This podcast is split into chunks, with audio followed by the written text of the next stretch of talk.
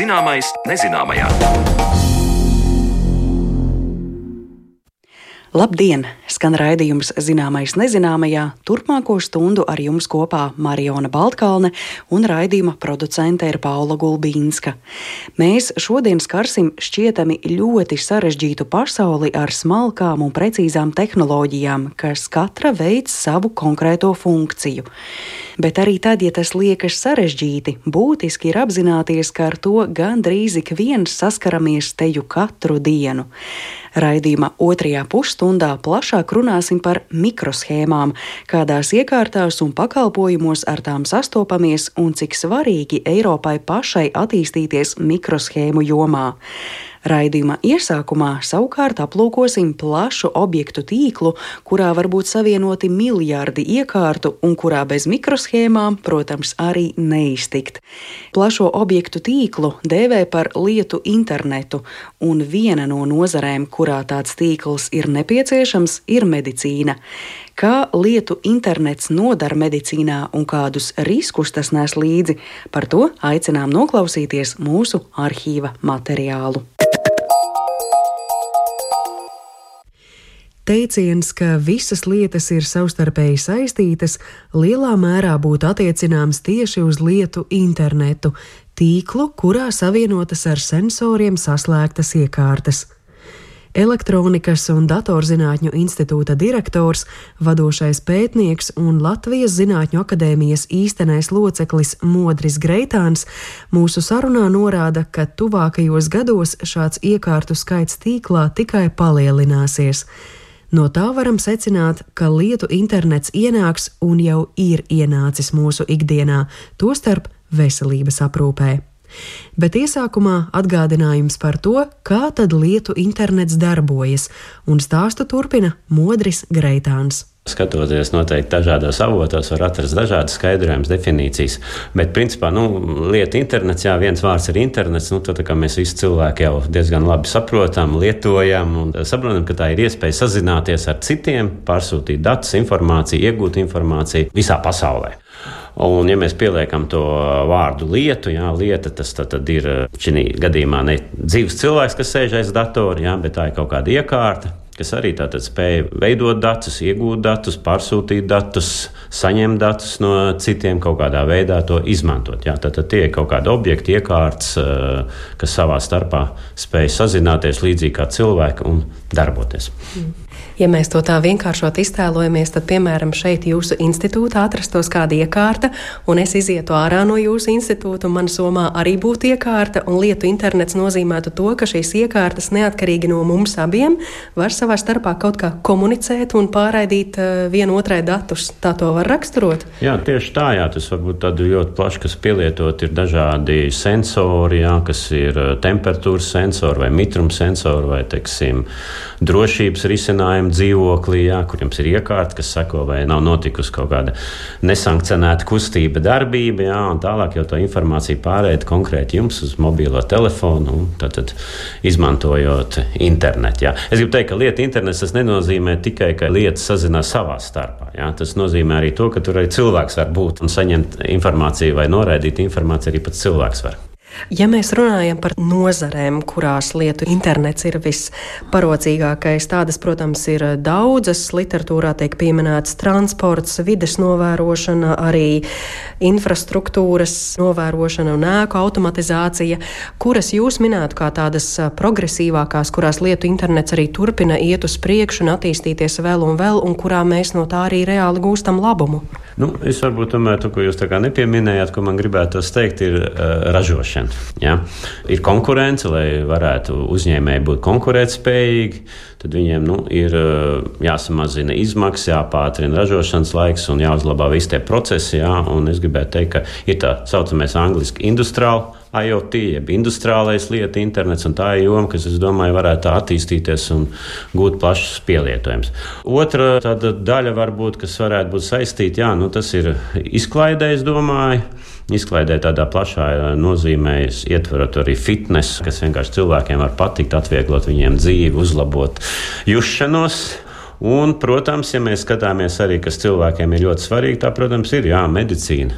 No IT tehnoloģijas skatu punkta es redzu divas tās lietas, kas varētu medicīnā ir aktuālas. Ir pēc iespējas individualizētāk, jā, personalizētāk katram cilvēkam parūpēties par viņu veselības aizsardzību. Jā. Un otrs arī precīzāk, jo nevienmēr tās zāles, ko mēs tur ēdam, mums tik daudz viņas varbūt ir vajadzīgas. Jā. Te nu esam nonākuši pie lietu interneta medicīnā, jeb viedās veselības aprūpes, un avotos lietu internets tiek sasaistīts ar vairākiem medicīnas virzieniem, piemēram, veselības iestāžu darbību, biosensoriem un robotiem, pacientu aprūpi, farmācijas industriju un citiem. Ar tehnoloģiju pielietojumu viedajā medicīnā strādā arī Elektronikas un datorzinātņu institūts, un Modris Greitāns norāda, ka Latvijā šī noteikti ir attīstāma pētniecības joma. Tālāk interesējos, kuros medicīnas virzienos lietu interneta izmantošana būtu patiesi noderīga. Nu, es gribētu teikt, visās, visās jomās viņas ir jēgpilnas un, un, un arī ieviešas. Ja mēs skatāmies, tad tas ir pacients. Nu, pacientam, protams, ir interese, lai viņa veselība būtu pēc iespējas labāka, lai ārstēšanās process būtu pēc iespējas īsāks, lai būtu pēc iespējas nekaitīgāks, precīzāks un tam līdzīgi. Ja. Nu, ja mēs skatāmies, pat, kas ir pacientiem, jā, pamatā šobrīd jā, tie dažādi sensori, kas ievāc informāciju. Tur šobrīd jau parādās gan norījams, lietas, jā, ja mēs tā sakām, jeb sensori vai ne, teiksim, gan uzlīmējums uz ādas, gan ģērbjams, gan teiksim, citādi. Un ar mērķi, protams, sakot līdzi pacienta parametriem, jā, tas ir ne tikai pulss, asinsspiediens, tas ir arī jau plaši ieviešas glikozes līmeņa vai cukuru līmeņa mērīšana asinīs. Teiksim, tas ir saistīts ar tām populārākām slimībām. Jā, tad, tad sirds un kardioloģijas slimības. Tā ir viena grupa, kur aiziet diabetes, tas ir cita grupa astmas slimniekiem arī teiksim, ir iekārts, kas palīdz viņiem tātad, monitorēt viņu stāvokli. Tālāk, ja mēs skatāmies, tā nākamā grupa ir ārsti. Viņi ārstē pacientu, un, ja pacientam ir šīs iekārtiņas, kas sūta pa viņa datus, tas, protams, dod iespēju ārstiem daudz plašāk iegūt to informāciju. Tas nav tikai 20 minūtes vai pusstundu, kad pacients atnāk, viņa apskata, un, un, un teiksim, tas vai ne tā iespēja skatīties, saprast labāk visas cēloņa sakarības, kāpēc notiek kaut kādi procesi nevēlami vai, vai tam līdzīgi. Ja. Nu, nākamais, atkal, es gribu teikt, tas ir slimnīcas vai medicīnas iestādes. Ja?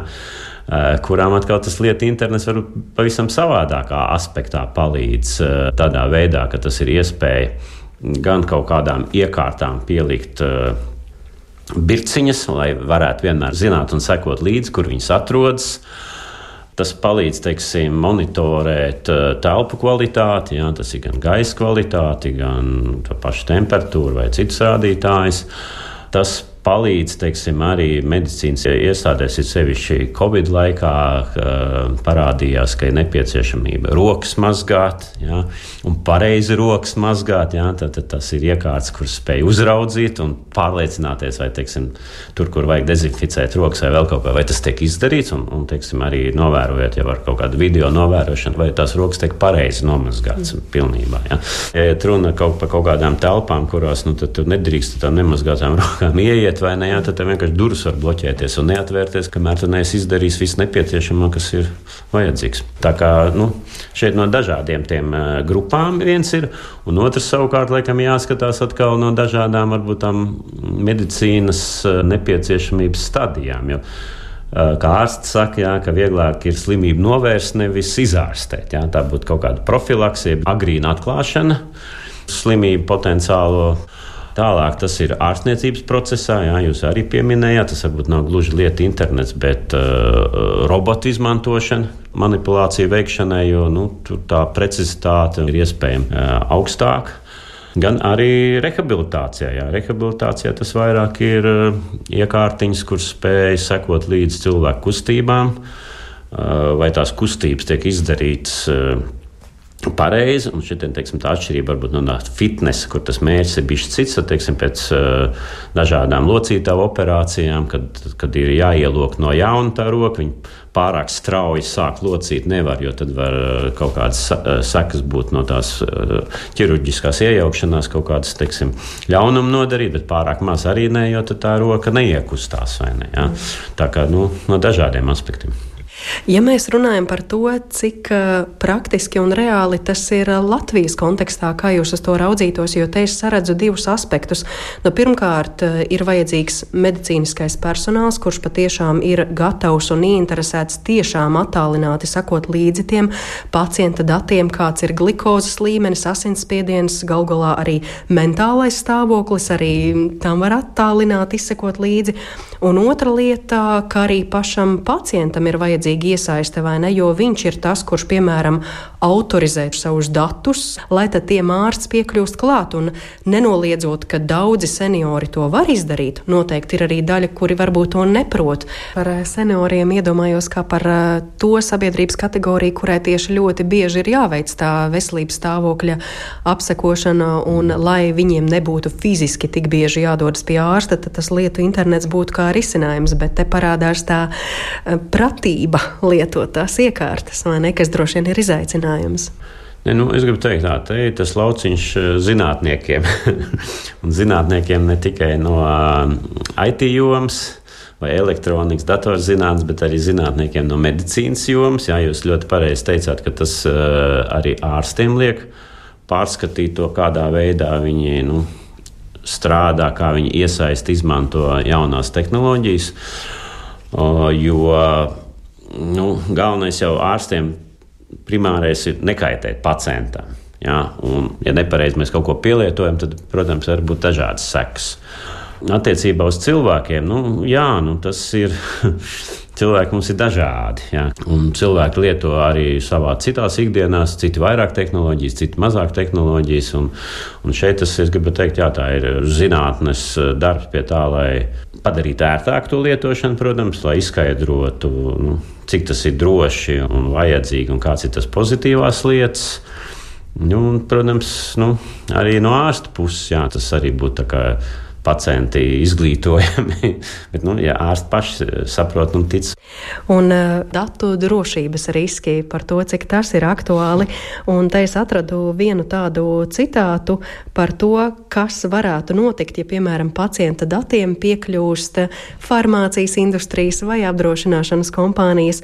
Un tad uh, Korkas tehnoloģija institūta iegulto sistēmu izpētes centra Nimbus vadītājs dr. Džons Barets ir iezīmējis visai tādu ironisku scenāriju. Un tad es jums varu arī nolasīt, viņš ir teicis tā, kamēr jūs sirdslēkmes ķerts bezspēkā apsēžaties ielas malā un gaidāt ierodamies automātiski izsākt to neatliekamo medicīnisko palīdzību, jūsu vietā runī uznirst izdevīgs zāļu iegādes piedāvājums un mirkli vēlāk paziņojums no apdrošināšanas kompānijas par to, ka jūsu veselības apdrošināšanas prēmija tiek paaugstināta par 25%. Eh, tātad risks, acīm redzot, pastāv, ka būtu kādas ieinteresētās puses, kam tie klienta dati būtu izdevīgi, vai ne? Jā, nu, protams, jā, nu, tas citās jau ļoti labi noraksturo, ka apdrošināšanas kompānijas, jo nu, viņi peļņa balsās uz to, ka tie cilvēki, kuri biežāk izmanto apdrošināšanas prēmijas, arī maksā vairāk. Ja? Un, un, ja šobrīd to viņi varbūt dara pēc fakta, ja? tad, tad, ja ir tāda iespēja to ļoti ātri pirmajiem saprast to situāciju, tas viņam dod priekšrocību. Protams, farmācijas kompānijas. Ja gribētu teikt, jā, es to pieminēju par to precīzo medicīnu, jā, ka katram cilvēkam individuāli nevis būs jāpētā viena tableta, bet viņam varbūt var nodezēt mazāk, mazāk. Tas, protams, viens no tiem eh, efektiem ir tas, ka vajadzētu samazināties zāļu patēriņam. Līdz ar to arī farmācijas industrijai, protams, tas varētu zināmā mērā nepatikt. Bet nu, es gribēju teikt, šie minētie piemēri varbūt nav tie ļaunākie vai sliktākie zināmā mērā. Jā. Protams, te jāaizsargā cilvēku dati, un, protams, ir labi, jā, ja tie dati šādā veidā, kas ir izmantojami šādiem gadījumiem, kaut kā nu, pēc iespējas mazāk tiek pārsūtīti. Jā, ka ir daudz kas teiksim, tiek veikts uz vietas, bet tā otra bažas ir par, par tādu ļaunprātīgu. Šis, gribētu teikt, nav tik ļoti ļaunprātīgs vai ne iejaukšanās, bet ir arī iespējams tās ļaunprātīgākas darbības, jā, ka tie dati tiek kaut kādā safabricēti vai samainīti ja, pārsūtīšanas procesā, ne, ka nevis aiziet īstie sākotnējie cilvēku dati, bet jau apzināti apzināti nepareizi, jā, no kā tiek izdarīts secinājums, jā, ka cilvēkam ir, kaut kāda slimība, kur būtībā viņam nav, tad attiecīgi viņam zāles jālieto un vēl kaut kas. Un, un, un tas ir tas, kas man liekas, kas būtu svarīgi, ka tiešām to pacienta veselību pasargāt. Pirmkārt, jā, un otrkārt, protams, izvairīties no informācijas noplūdes, lai, lai nebūtu lieka piedāvājumi vai, teiksim, citus tā netaisīt biznesu.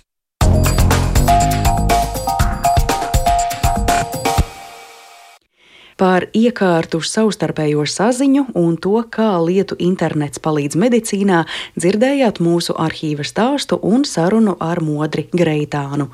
Bet lietu internets un ne tikai lietu internets ir iespējams tāpēc, ka pastāv mikroshēmas, kas ir daudzu iekārtu pamatā. Cik tās ir nozīmīgas, to aplūkosim raidījuma turpinājumā.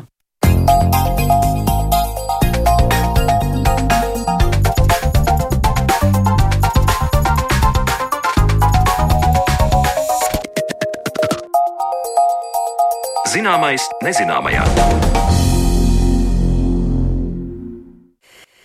Elektroniskās mikroshēmas jeb integrālās schēmas ir mūsdienu tehnoloģiju DNS. Uz tām balstās ne tikai datoriekārtas, bet arī ikdienā lietojamas iekārtas, tostarp sadzīves elektropreces un viedierīces. Kāpēc mēs bez mikroshēmām nevaram iztikt? Kāda ir Eiropas neatkarība šajā svarīgajā tehnoloģiju jomā, un vai ir iespējams mikroshēmas ražot arī Latvijā? Šiem jautājumiem mēs iziesim cauri kopā ar mūsu šīs dienas viesi studijā, un tas ir Rīgas Tehniskās Universitātes profesors, Latvijas Zinātņu akadēmijas īstenais loceklis Oskars Ozoliņš. Labdien! Labdien! Oskar, mēs pavisam nesen mūsu raidījumā esam runājuši par radiosakariem, nonākot pie secinājuma, ka tie mums ir apkārt teju jebkur, arī pat tādās iekārtās, par kurām mēs neaizdomātos, ka tās darbojas ar radiosakaru un radioviļņu palīdzību. Bet eh, šodien šķiet, es varu teikt, ka ikviena mūsdienu iekārta darbojas ar mikroshēmām, sākot ar telefonu, beidzot ar datoru un citām sadzīviskām lietām. Vai jūs varētu iedot tādu vispārīgu ainu, kur tad mums viskaut kur mikroshēmas ir sastopamas? Nu, jūs jau arī pieminējāt, tas, kas mums ir tuvākais objekts ikdienā, ir telefons kas tiek izmantots caur dienu un daudzām dažādām vajadzībām. Tad telefonā ir daudz un dažādas eh, mikroshēmas, kuras ir dažādiem pielietojumiem domātas. Tāpat arī dators, kurā ir processors, atmiņas un dažādi elementi, kas nodrošina šīs loģiskās operācijas un uh, arī datoru veiktspēju kopumā. Un ir pastāvīgi viena tendence, kā mēs šīs mikroshēmas varam uzlabot un veiktspēju uzlabot. Un tas viss aizsākās ar pirmo transistoru, kas bija 1947. gadā izgudrots. Nokia labs, vēl joprojām ir prototyps, kas ir rokās ņemams lielums, un tas nav tā kā mūsdienas mikročips, kurus jāskatās zem mikroskopa. Tad uh, 1956. gadā par to viņiem izgudrotājiem arī tika piešķirta Nobelprēmija. Un tad īsi pēc tam tika izgudrota arī pirmā integrētā schēma. Tā, tas viss ir no mikroelektronikas. Tas ir tas arī, kas ļoti daudz un plaši pielietots no leduskapja līdz pat mazai spuldzītei. mm. Jā, tā tad telefoni un datori, leduskapji. Vai teiksim, arī tādos eh, liela izmēra aparātos, piemēram, transporta līdzekļi, gaisa kuģi, lidmašīnas, eh, vilcieni, vai arī tur tas viss ir aktuāls? Protams, par automašīnām pat arī ir tādas tehnoloģijas kā datu pārraide, vai mēs varam iedomāties, ka automašīnas iekšēnē ir nepieciešama gigabitu datu pārraide, kas ir vērā ņemams ātrums. Un tur tās mikroshēmas neizbēgami ir nepieciešams daudz un dikti. Mēs runājam par elektroautomašīnām, kas ir ļoti aktuāls, ka ļoti zaļš risinājums. Tur arī ir pie akumulātora lādēšanas ir ļoti daudz dažādas mikroshēmas vajadzīgas, lai šo procesu kontrolētu. Mm. Un, ja mēs runājam par kosmosa kuģiem, tur arī ir vajadzīgs mikroshēmas. Un, kas pārsteidz, kāds toreiz bija atmiņas daudzums, ko varēja izmantot, nebija gigabaiti vai terabaiti, kad devās uz mēnesi ar kosmosa kuģi. Un, Mikroshēmas ir ļoti vērtīgs izgudrojums, kas mūsu ikdienu padara vienkāršāku. Mhm. Jā. Un patiešām varbūt varētu būt tā, ka Atkal līdzīgi kā es šeit piesaucu to piemēru ar radiosakariem un radioviļņiem, tā arī ar mikroshēmām droši vien vēl ir daudz dažādu jomu, kur tās ir klātesošas, bet mēs par to nedomājam. Piemēram, banku pakalpojumi, veselības aprūpes pakalpojumi, vai ne? Protams, tās mikroshēmas var tikt izmantotas dažādām vajadzībām. Un tās var būt arī kā daļa no sensoriem, kuru izmantot eh, medicīnā. Mēs pat neapzināmies, cik daudz šīs mikroshēmas mums ir apkārt. Vai jūs, Oskar, varbūt varat minēt kādu iekārtu mikroshēmu rekordisti, kurā ir vis, visvairāk un kurā varbūt nu, salīdzinoši maz?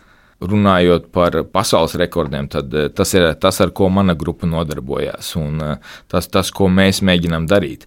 Mēs darbojamies arī ar eh, tranzistoru analogu fotonikā, jo tuvākais, kas ir tranzistoram elektronikā, fotonikā, ir riņķu rezonators. Un tad mēs uz šī riņķa rezonatora taisam arī modulatorus.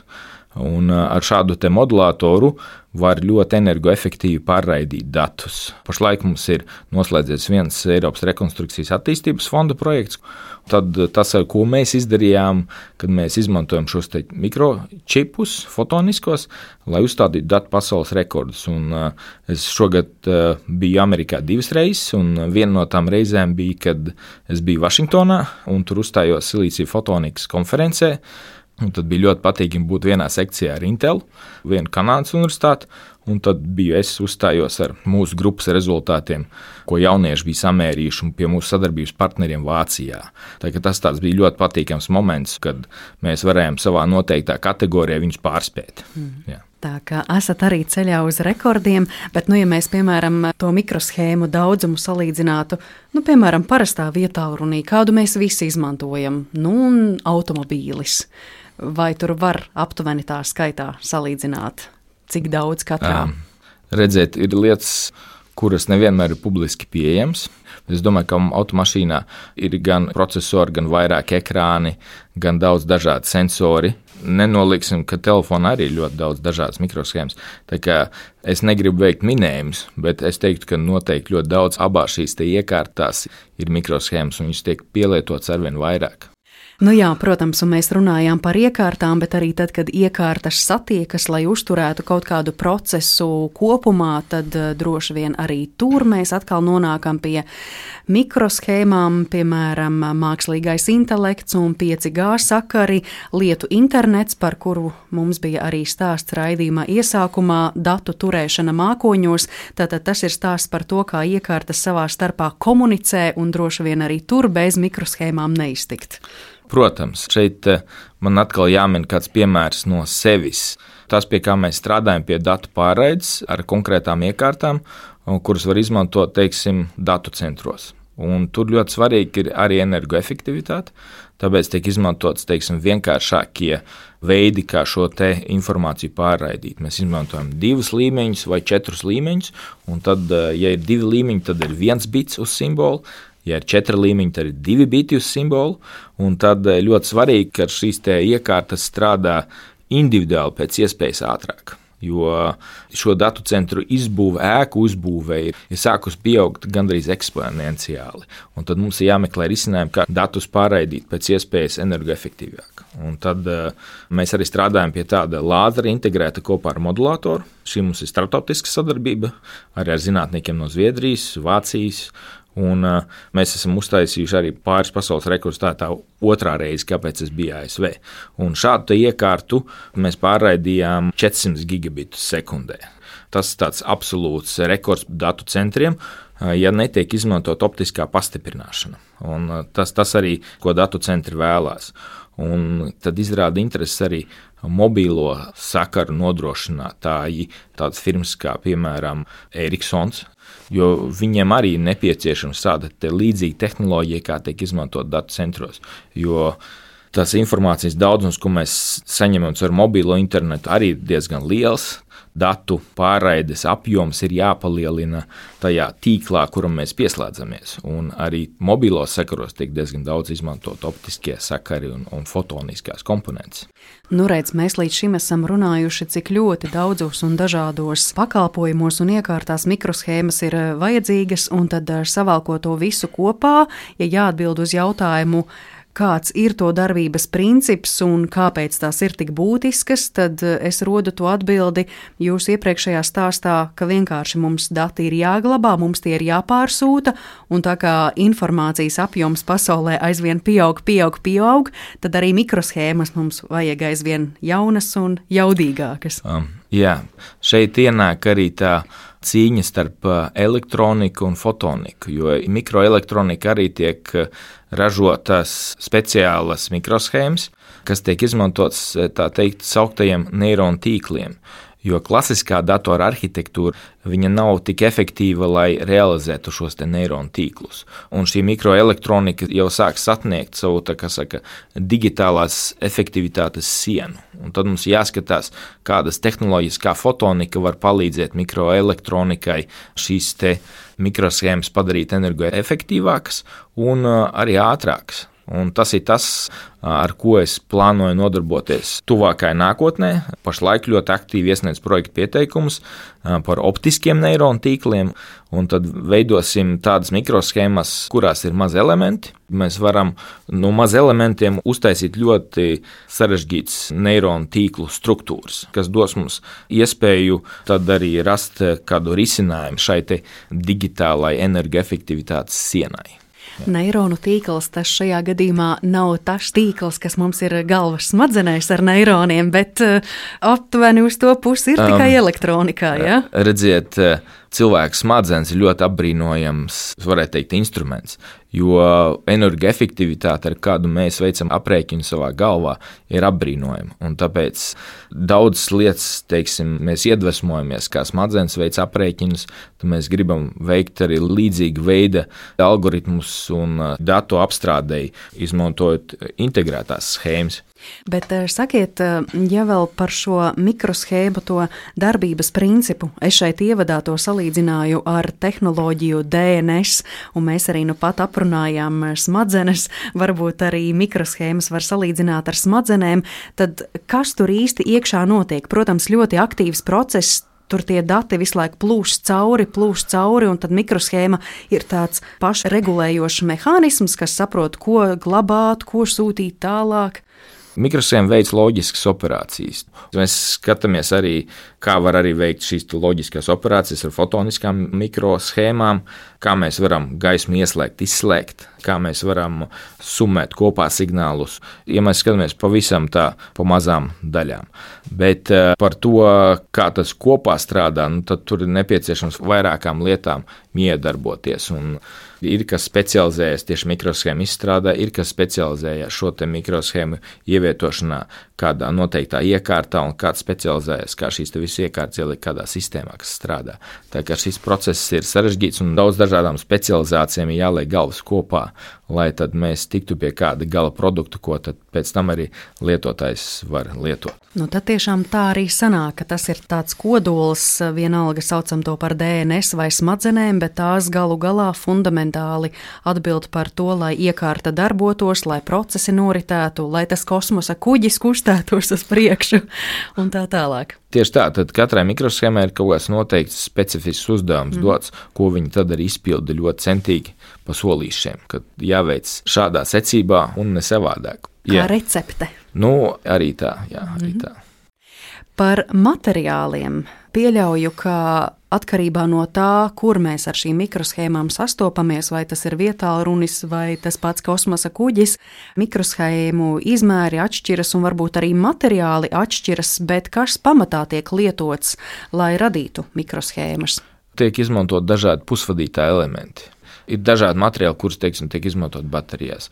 Ir dažādi materiāli, kurus tiek izmantot, lai ražotu integrētās schēmas. Mēs izmantojam gan metālu, jo mums ir jāvada elektriskie signāli, gan arī dažādus pusvadītāju materiālus. Tāpat arī sakaru sistēmās, modulatoriem, teiksim, tiek izmantots silīcija dioksīds, litija niobāts, vēl var izmantot indiju fosfītu. Tie visi ir, piemēri tiem pusvadītājiem. Jā, jā, un tad, tagad... tas ir tie materiāli, ko izmanto fotonikā. Elektronika ir Germānijas ļoti izmantots. Dažādi šie materiāli, un pats svarīgākais ir saprast šo materiālu un kā šim materiālam nodrošināt noteikto pieauguma daudzumu, lai dabūtu noteikts fizikālās parametrus šiem materiāliem. Bet vēl jāmāk šie materiāli arī pareizā struktūrā uzbūvēt un salikt kopā, lai šis elements varētu darboties. Un tas ir tur, kur tas lielākais intelektuālais īpašums ir, kad mēs no šiem materiāliem, kas mums ir kilograms šis, kilograms tas, mēs varam izveidot miljonus mikroshēmu. Un šis process arī dod to lielāko vērtības pieaugumu. Un, protams, pēc tam ir iepakošana, kas arī izmaksā.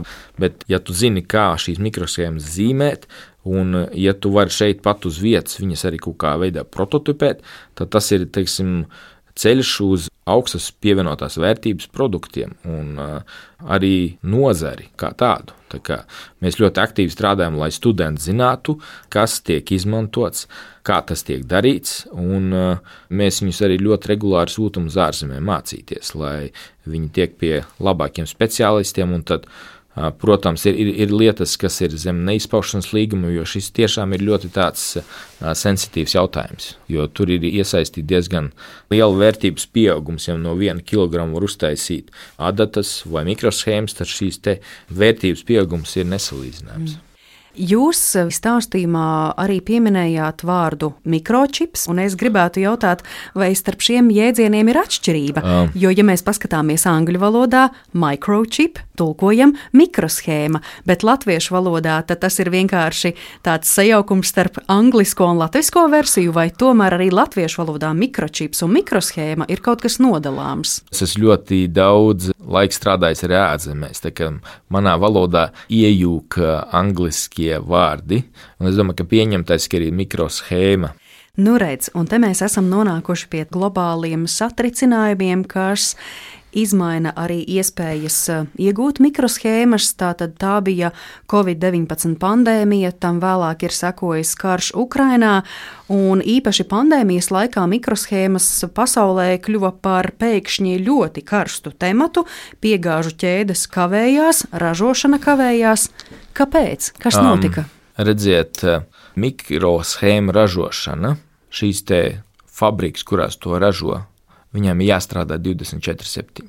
Un, ja, piemēram, sākās pandēmija un samazinās kāds pieprasījums pēc noteiktas kaut kādas mikroshēmas, tad šīm fabriku īpašniekiem ir jāatrod citi noieta tirgi. Viņiem ir noteikti ražošanas jauda, Un tad, ja šīs mikroshēmas netiek pasūtītas no šīs fabrikas, tad viņi atrod kādu citu pasūtītāju, kurš tajā mirklī var nodrošināt šo pieprasījumu. Jo šo rūpnīcu ir ļoti dārgi izslēgt un pēc tam ieslēgt. Un, uh, es domāju, ka tas radīja arī to, ka uh, bija daudz kompānijas, kas apturēja ražošanu un neiepirka mikroshēmas. Un tas radīja arī tādu nestabilitāti, jo nebija arī skaidrs, ka šī korona vīrusa pandēmija beigsies un kā tas notiks. Un tad arī tika saprasts, ka mēs esam ļoti atkarīgi no dažādiem citiem reģioniem, un eh, kad eh, materiāli var būt vienā valstī, ražošana var būt citā valstī, un kad saprot, ka mums jau nav pilnīgas tās vērtību ķēdes, tāpēc arī šīs iniciatīvas eh, gan Eiropā, gan Amerikā tiek attīstītas, lai stiprinātu ražošanu, teiksim, Eiropas ietvaros. Jā, tieši Eiropas eh, Savienība pandēmijas ietekmē radīja Eiropas mikroshēmu aktu, un tā mērķis bija palielināt pusvadītāju ražošanu tieši Eiropas Savienībā, lai veicinātu pētniecību un inovāciju. Nu, tad, ja to izdarīja Eiropas Savienība, tad jautājums, kuras valstis ir mikroshēmu ražotāju lielvalstis? Ļoti daudz notiek karstas debatas, politiskās debatas ap Taivānu Tas ir tas viens liels ražotājs, tad ASV ir Intel un arī eh, Samsung ir eh, Dienvidkorejā.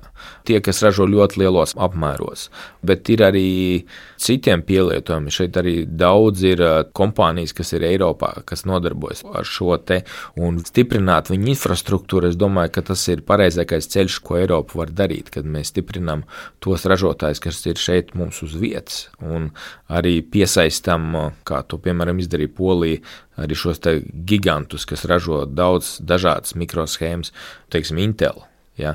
Un uh, svarīgākais, kā mēs Latvijā, ko mēs varētu darīt, kad mēs varētu sagatavot ļoti daudz speciālistu, kas tomēr māk šīs mikroshēmas zīmēt, māk viņas pasūtīt un māk testēt. Un, protams, vēlāk arī iepakot. Un tikai tad, kad mēs pie tā visa tiksim klāt, tad šajā procesā mums arī veidosies arī sadarbība ar tādiem lielākiem Eiropas pētniecības institūtiem, kā piemēram IMEX, kas nodarbojās gan ar mikroelektroniku, gan ar mikrofotoniku. Tas man ļoti svarīgi, kad es eh, sāku atkal darboties Rīgas Tehniskajā universitātē, kad pirmais, ko es izdarīju, kad daudz studentus aizsūtīju uz IMEX praksē pamācīties, lai viņi iemācās strādāt. Un mums izveidojās saites, mēs veicam kopīgi pētījumus, un tas ir tas ceļš, kas ir jāiet, lai arī Latvija iekļautos Eiropas vērtības eh, ķēdēs tieši eh, izmantojot tās zināšanas, kas mums jau ir, un uh, iegūstot jaunas zināšanas. Tātad pagaidām vēl Latvijā ražot nevaram. Mums ir jāsagatavo tas uh, zināšanu kapitāls. Uh, es domāju, ka uh, mums ir jābūt gataviem un pa soļiem šim jautājumam jāpiedod. Es domāju, ka sapnis par lielu rūpnīcu ir sen jau izsapņots, mm. un ka tomēr ir uh, jāiet ar inženieru pieeju, kad mēs pa solīšiem veicam šos uzdevumus. No sākuma mums jāiemācās, kā šīs mikroshēmas dizainēt. Tad mēs viņus varam pasūtīt, testēt, iepakot. Un tikai tad mēs varam runāt par kaut kādu prototipēšanu, kas varētu būt nelielas jaudas ražošana. Un arī nevajag novērtēt pa zemu, ko var dot tieši dizains kā tāds. Jo šī te, teiksim, ir ļoti augsta pievienotā vērtība, jo māk no kilogramu materiāliem saražot daudz dažādas mikroshēmas vai uzdizainēt kā tie materiāli jāliek kopā, lai šī iekārta strādātu. Un tas ir tiešām ļoti augsts pievienotās vērtības informācija un tiek daudz izmantot patentu, lai aizsargātu savus izgudrojumus. Mm. Lielie covid viļņi ir garām, bet eh, tam sekoja cits eh, sāpīgs vilnis eh, karš Ukrainā, kas joprojām turpinās, mēs tā iespējā redzējām, ka atkal spēles noteikumi Eiropā attiecībā uz daudziem jautājumiem - drošība, enerģētika mainījās, vai tas kaut ko ietekmēja atkal mikroshēmu gadījumā? Nu, redziet, tas ir politisku attiecību jautājums, jo tas rada kādu nestabilitāti, un tas arī ietekmē, kā tiek veikta politika. Un uh, politika ļoti daudz ietekmē dažādus procesus, arī augstās tehnoloģijas, jo cīņa par augstām tehnoloģijām ir daļa no politikas. Un tas, protams, arī rada spriedzi, ar kuriem sadarbojamies, ar kuriem vairs nē, ar kuriem mēs esam konkurenti. Un tas, protams, rada arī satricinājums arī mikroshēmu jautājumos. Ja.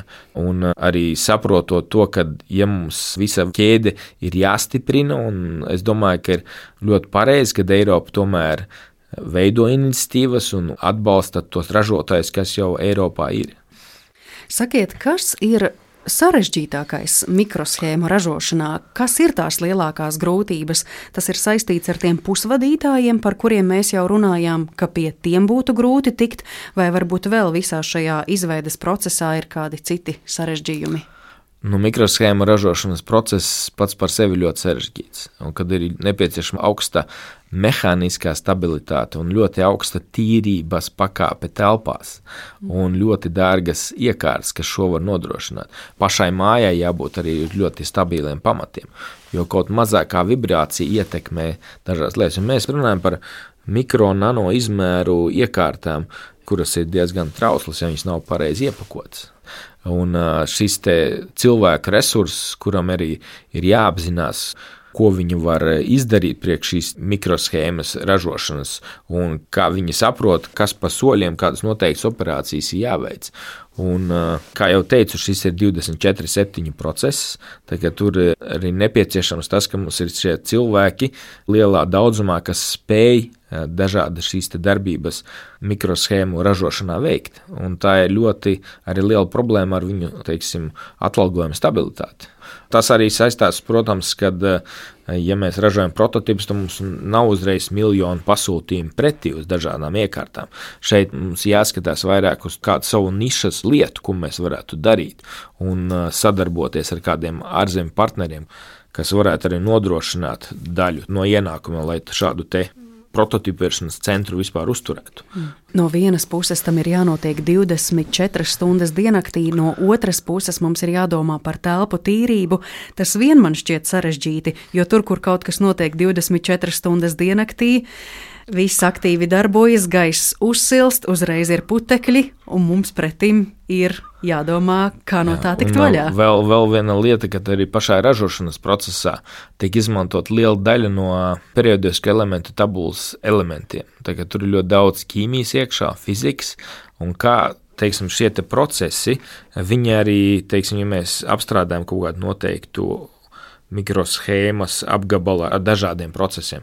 Tad, teiksim, šīs te gāzes, kas tiek izmantotas, viņas jau turpina reaģēt arī tad, kad viņas tiek izņemtas ārā no tās mazās telpas, lai ierobežotu tās telpas, kur tas process notiek, ka tas tik un tā turpina notikt vēl trubās. Jo mums ir jāmāk arī šie visi elementi pēc tam pārstrādāt tā, lai tas nekaitīgā veidā aiziet arī dabā. Un tā, šis process ir arī ļoti sarežģīts no fizikas un ķīmijas viedokļa. Mm. Cik vispār ilgs laiks paiet no tāda mikroshēmas eh, projektēšanas sākuma brīža nu, līdz mirklim, kad tā schēma ir gatava? Es šeit arī minēšu praktisku piemēru par fotoniskām mikroshēmām, tas, kam mēs izgājām cauri. Mums tika iedots laiks 23 mēneši, lai tiktu no dizaina līdz mikroshēmai, un tad līdz testēšanai un līdz publicējuma rezultātiem.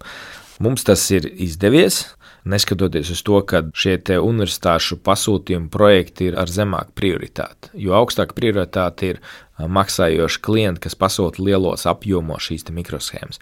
Tagad mēs pasūtījām kaut kādas 10 plus 10 mikroshēmas, uz kurām bija vairāk dažādu modulātoru. Tad mums nācās mazliet gaidīt. Tad mēs pirmajā gadā pasūtījām, tikai otrajā gadā mēs tikām pie mikroshēmām šeit klāt. Tā kā rindas ir, jā, un lielie tehnoloģiju ražotāji, kas, teiksim, ražo kārtējo iPhone, kuram arī nepieciešams mikroshēmas, tad viņiem ir daudz lielāka prioritāte šādās Taivānas rūpnīcās, Dienvidkorejas rūpnīcās. Jā, nu, tāds ir. Tuvojoties mūsu sarunas noslēgumam, gribētu saprast aktualitātes, kas skar tieši jūs. Un viena lieta ir tāda, ka gan ministrijas, gan tehnoloģiju uzņēmumi, tāpat arī akadēmiskais sektors ir vienojušies kopīgā memorandā saistībā ar mikroshēmu piegādes ķēžu attīstību. Vai jūs varat paraksturot plašāk, kāpēc šāds memorands nepieciešams? Es visu vēsturi nezinu tam memorandam no paša sākuma. Es esmu piedalījies no šī gada sākuma šajā memorandā un, teiksim, viesis skaidrība, kā pa soļiem mēs varētu tikt līdz tam gala mērķim, kas ir ražošana vai prototipēšana Latvijā.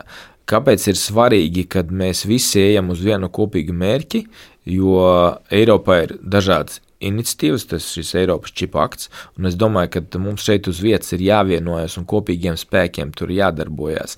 Nevis jāmēģina attīstīt, teiksim, vairākas dažādas konkurējošas pieejas.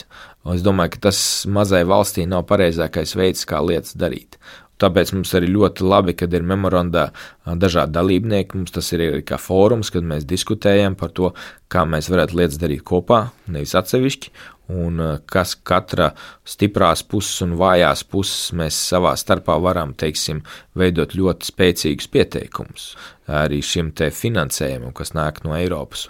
Un ļoti svarīgi arī, lai valdības pārstāvi ir iesaistīti, lai viņi zinātu, par kādiem līdzfinansējumiem tiek runāts. Un arī mums ir ļoti svarīgi skaidrot, cik tas ir nozīmīgi Latvijai un kā tas varētu attīstīt eh, nozari, eh, kas varētu būt ar ļoti augstu pievienoto vērtību. Tāpēc es domāju, ka uh, ir arī interese no industrijas, ir interese no akadēmijas, un ja mēs vienojamies ar politiķiem, tad, tad mums ļoti, kā saka, stipras konsorcijas, tad mēs varam ļoti efektīvi šos līdzekļus izmantot. Mm. Un viena no memoranda dalībniecēm ir arī Rīgas Tehniskā Universitāte, protams, ko jūs pārstāvat. Un visbeidzot, vienu brīdi jau sarunā arī minējāt, ka esat iesniedzis projektu, kas, kā es saprotu, vēl gaida savu apstiprinājumu, un tas arī ir saistīts ar mikroshēmu inovācijām, ražošanu. Jā, tad. Uh... Jūs pareizi teicāt, Rīgas Tehniskā universitāte ir uzņēmusi šī vadība šajā memorandā un koordinē arī diskusijas ap to. Un Rīgas Tehniskā universitāte ir arī vairāk jaunie zinātnieki, kas iesniedz šādus te European Research Council, mēs viņu tautas valodā saucam ERC, un tad šie granti ir dažādos līmeņos. Un tur tiek skaitīti vecums pēc doktora disertācijas aizstāvēšanas. Ja tu esi vecumā no 7 gadi līdz 12 gadi pēc doktora disertācijas aizstāvēšanas, tad var pieteikties vidējam līmenim, kas angļu valodā ir consolidator, kā konsolidētais grants, un šis finansējums tiek piešķirts uz pieciem gadiem, tie ir 2 miljoni eiro, un tad e, tas paredzēts gan grupas stiprināšanai, e, jaunu cilvēku piesaistei, kā arī jaunu tehnoloģiju izstrādei, kurām ir ļoti liels risks, ka var neizdoties, Bet, ja izdodas, tad ir ļoti augsta pievienotā vērtība. Un tad angļu valodā tas ir tas high risk, high gain.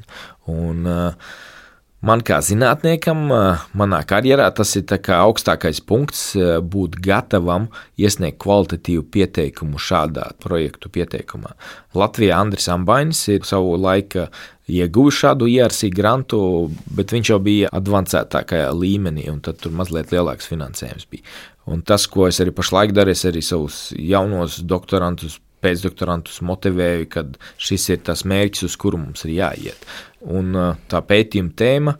Es jau mazliet pieskaros sarunā iepriekš, kad mēs mēģinām uztaisīt jaunas optisko neironu tīklu struktūras, izmantojot fotoniskās komponentes dažādas, tos pašus riņķa rezonatoru modulatorus, kurus mēs jau ļoti labi mākam taisīt un varam sasniegt pasaules rekordus ar viņiem, un uh, dažādas citas komponentes. Un šeit komponentu daudzums. Varbūt tikai 10 komponents uz vienu čipu, bet mēs varam uztaisīt neironu tīklu, teiksim, ar 49 neironiem.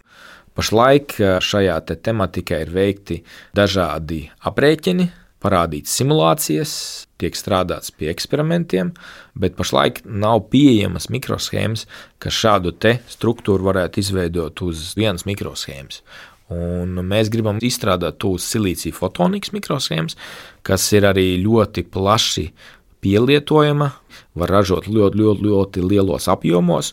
Mēs jau arī domājam, kā šis te varētu būt pēc projekta praktiski ieviests. Jo mums ir ļoti svarīgi, kad mēs šo projektu paveicam, kad šis maina priekšstatu, kā mēs šīs mikroshēmas varam veidot, ka mēs viņus varam veidot energoefektīvākus un pārspēt šo digitālās efektivitātes sienu.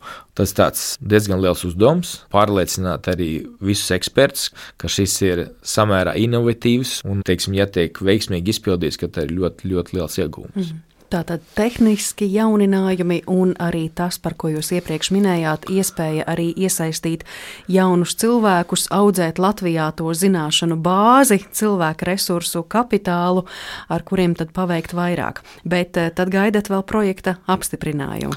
Nu, mēs strādājam arī pie daudz dažādiem citiem projektu pieteikumiem, kas ir mazliet mazāk savos apjomos, bet pie šīs tematikas mēs jau turpinām strādāt. Un, ja neizdodas ar pirmo reizi, tad var sniegt otro reizi un trešo reizi. Es domāju, ka svarīgākais ir šeit eh, tieši šos jauniešus attīstīt. Eh, man ir pašlaik viens doktorants ir Vācijā, iziet praksi, un arī daudz citi brauks pie viņu uz kādu laiku. Eh, ļoti svarīgi, manuprāt, ka jaunieši arī saprot, kā kas notiek arī citur Eiropā un eh, kā var salikt dažādas komponentes kopā un, un sasniegt kaut ko tādu pasaulē, ko vēl neviens nav izdarījis. Un, manuprāt, tas ir tas skaistākais tajā visā un eh, dot arī ļoti lielu motivāciju jauniešiem to darīt. Lai jums veicas ar eh, mūsu Latvijas tehnoloģiskā parka, sauksim to tā, izveidi un aizvien jaunu interesantu piesaisti un kā es saprotu, arī rekordistu veidošanu mikroshēmu tehnoloģijās. Klausītājiem atgādināšu, ka ar mums šodien zināmais nezināmajā studijā kopā bija Rīgas Tehniskās Universitātes profesors, Latvijas Zinātņu akadēmijas īstenais loceklis Oskars Ozoliņš. Paldies jums! Paldies! Un mūsu raidījums šodien noslēdzas. To veidoja Paula Gulbīnska, Sendija Burka Šaicānova, Girts Bišs, bet pie mikrofona bija Mariona Baltkalne. Paldies par pievienošanos šajā stundā un uz sadzirdēšanos atkal drīz. Visu labu!